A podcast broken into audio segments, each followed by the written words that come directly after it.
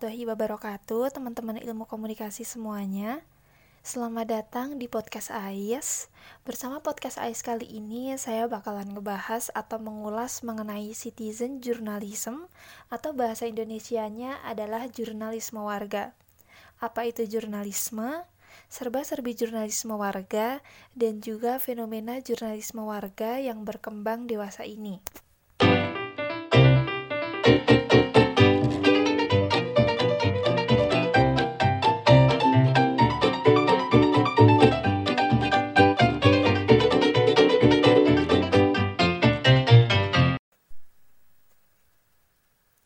Seperti yang kita tahu, jurnalisme sangat penting keberadaannya di mana pun dan kapan pun, karena tujuan dari jurnalisme adalah untuk menyampaikan informasi kepada halayak umum atau masyarakat secara jelas. Kegiatan jurnalisme berkaitan erat dengan perkembangan teknologi, publikasi, dan informasi. Jurnalisme sendiri merupakan proses mengumpulkan, memproses, dan menyampaikan informasi atau berita kepada halayak secara akurat dan menceritakan ulang dengan memikat sebuah berita. Pada zaman primitif, kegiatan jurnalisme dilakukan oleh masyarakat. Sebelum adanya aksara, manusia berjurnalisme dengan lisan. Proses penyebaran beritanya dilakukan dari mulut ke mulut dan dari generasi ke generasi dalam bentuk yang bermacam-macam, seperti cerita dan lagu. Memasuki fase sejarah, di mana manusia mengenal tulisan, jurnalisme disebarluaskan melalui media tulis.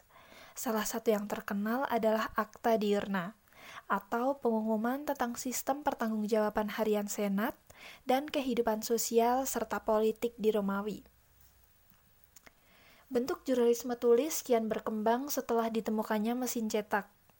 Berita-berita kecil seperti berita di jalan raya, perkapalan, gosip, dan argumen politik dicetak di atas kertas, kemudian disebarkan ke halayak umum. Jurnalisme tulis berkembang seiring berjalannya waktu dan teknologi percetakan. Pada tahap inilah, kegiatan jurnalisme mulai terlembagakan menjadi organisasi pers dan bidang keilmuan jurnalistik. Tahap setelah jurnalisme tulis adalah jurnalisme multimedia. Kemunculan jurnalisme ini ditandai dengan kemunculan radio pada awal abad 20 dan beberapa dasawarsa setelahnya muncullah televisi. Jurnalisme yang berkembang tidak hanya melalui tulisan, tetapi juga mencakup suara dan gambar yang bergerak. Memasuki era informasi pada abad 21, jurnalisme kembali dilakoni oleh masyarakat sendiri melalui jurnalisme warga atau julukan lainnya adalah jurnalisme 2.0 dengan internet sebagai salurannya. Di era inilah masyarakat disebut sebagai perusumen atau mereka tidak hanya sebagai konsumen informasi, tetapi juga produsen informasi. Perkembangan teknologi yang pesat dan didorong untuk berkebutuhan yang cepat membuat teknologi menjadi salah satu tolak ukur dalam perkembangan dunia di era modern. Begitu juga dengan jurnalisme. Dengan berkembangnya teknologi serta muncul dan masuknya internet pada kehidupan manusia, membuat masyarakat sangat memanfaatkan keadaan yang ada. Teknologi yang menjadikan sarana produksi komunikasi yang sebelumnya hanya dikuasai oleh pengelola media massa saja, bertransformasi menjadi milik masyarakat banyak. Rasa ingin tahu yang semakin bertambah membuat semakin banyak yang mencoba masuk ke dalam dunia, jurnalistik. Menelisik uh, soal citizen journalism atau jurnalisme warga, Gilmore 2006 mengatakan bahwa benih jurnalisme warga telah ada sejak tahun 1700-an, di mana warga menulis dan menyebarluaskan pandangannya melalui selebaran. Thomas Paine dan sejumlah anonim lainnya disebut sebagai warga pertama yang menyampaikan informasi di Amerika yang kemudian menyebarluaskan tulisan-tulisannya melalui pamfletnya sendiri, sehingga memberi inspirasi bagi banyak orang agar kritis terhadap berbagai hal. Hal inilah yang kemudian memunculkan tren dan fenomena baru yang disebut dengan citizen journalism atau jurnalisme warga.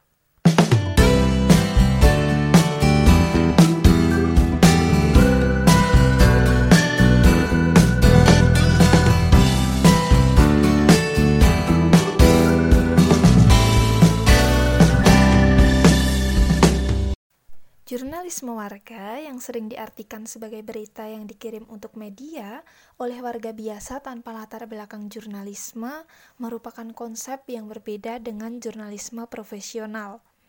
Jurnalisme warga diartikan sebagai partisipasi aktif yang dilakukan oleh masyarakat dalam kegiatan pengumpulan, pelaporan, analisis, serta penyampaian informasi dan berita menjadi sebuah kegiatan di mana warga menjadi titik pusatnya. Lasika 2003 menyebut bahwa jurnalisme warga muncul sebagai model jurnalisme yang mengakomodasi siapa pun, dalam hal ini masyarakat biasa, bukan jurnalis profesional, untuk menyampaikan informasi atas peristiwa apa pun di berbagai media, termasuk media pers profesional ataupun independen seperti blog. Meskipun tampak sepele, tapi nyatanya banyak peristiwa penting justru terekam oleh aktivitas jurnalisme warga. Salah satu contohnya adalah yang baru-baru ini terjadi, yaitu peristiwa terbunuhnya George Floyd di Amerika yang menggemparkan hampir seluruh warga dunia hingga memunculkan berbagai aksi demonstrasi dan protes di berbagai negara bagian di Amerika dan juga negara-negara di dunia.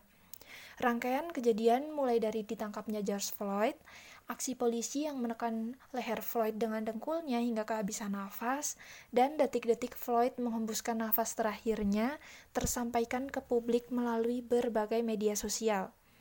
Masyarakat yang berada di tempat kejadian merekam setiap kejadian itu menggunakan smartphone mereka, kemudian mengupload dan e, menjadi konsumsi halayak banyak Fenomena ini merupakan salah satu tonggak mulai berjayanya sosial media dan jurnalisme warga dalam arus informasi global.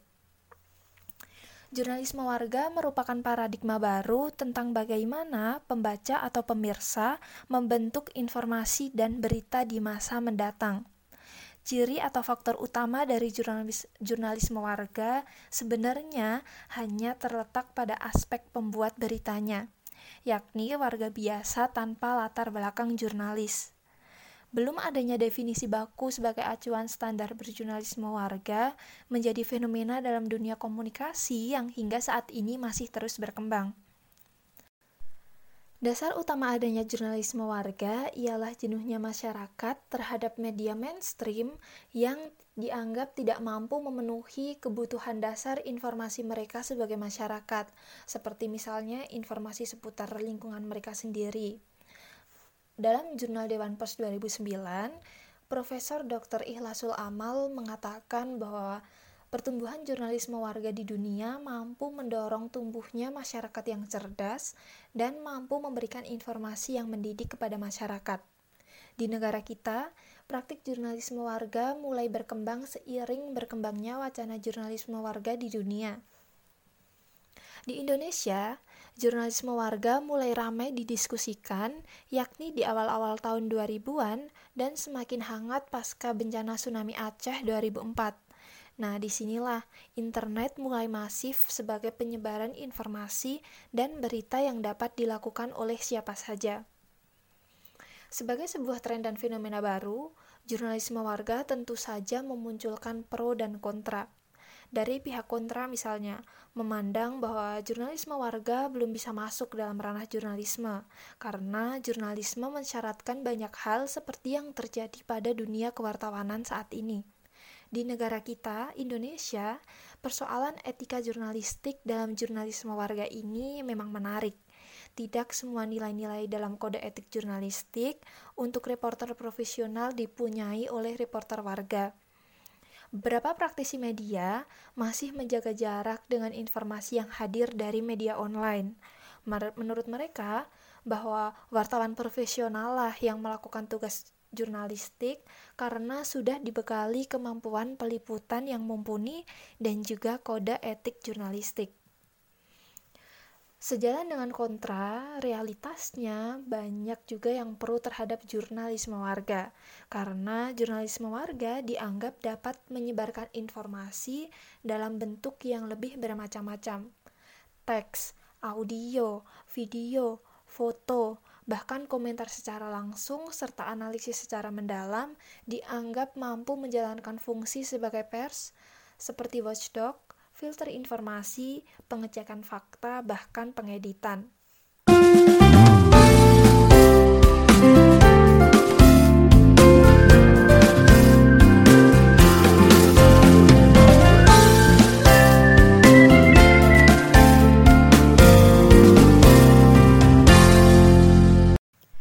Principle and Practice of News for the Web dalam buku online journalism menjelaskan beberapa kelebihan jurnalisme warga.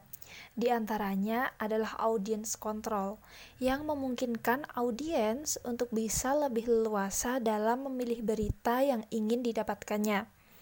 Banyak sekali informasi yang disajikan lewat internet, seperti situs detik.com, uh, atau wordpress.com atau situs-situs blog lain yang menyediakan jutaan informasi yang dapat dipilih dan kita akses sesuka hati kita.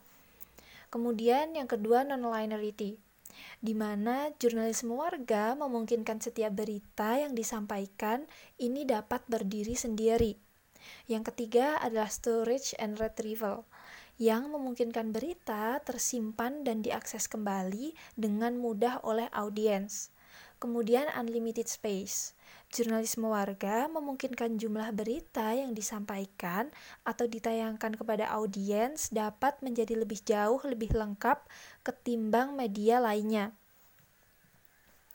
Yang kelima dari kelebihan jurnalisme warga adalah imediasi, di mana memungkinkan informasi dapat disampaikan secara cepat dan langsung kepada audiens mereka hanya dengan melakukan upload lewat warnet aja nih, misalnya seseorang bisa langsung dapat memberikan informasi kepada para pembacanya.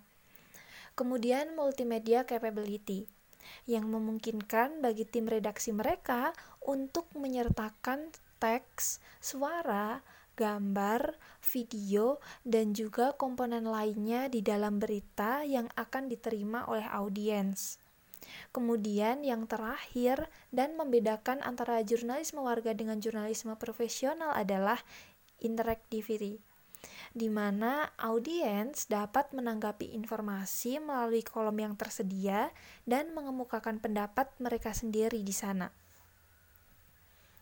Fenomena jurnalisme warga yang semakin marak dewasa ini adalah akibat dari perkembangan internet yang begitu pesat, mendorong transparasi yang semakin terbuka dalam pelaporan berita.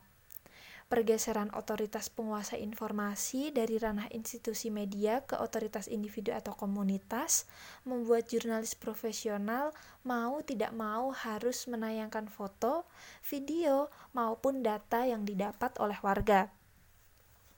Perkembangan teknologi dan komunikasi yang saat ini telah mengubah wajah dunia jurnalistik menjadi berkembang sedemikian pesat, sebagai sebuah media baru telah menghadirkan berbagai bentuk praktik jurnalisme yang tidak pernah kita kenal sebelumnya.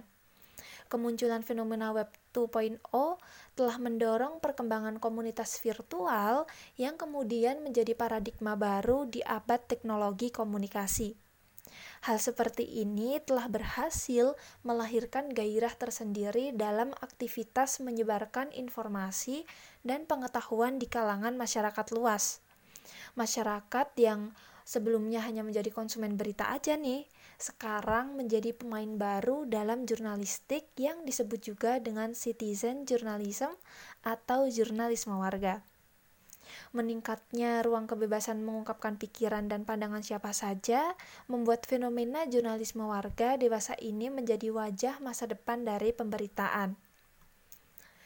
Bahkan eh, kadang tanpa kita sadari dalam kehidupan kita sehari-hari aja nih dalam bermasyarakat, kita itu telah melakukan kegiatan jurnalistik juga.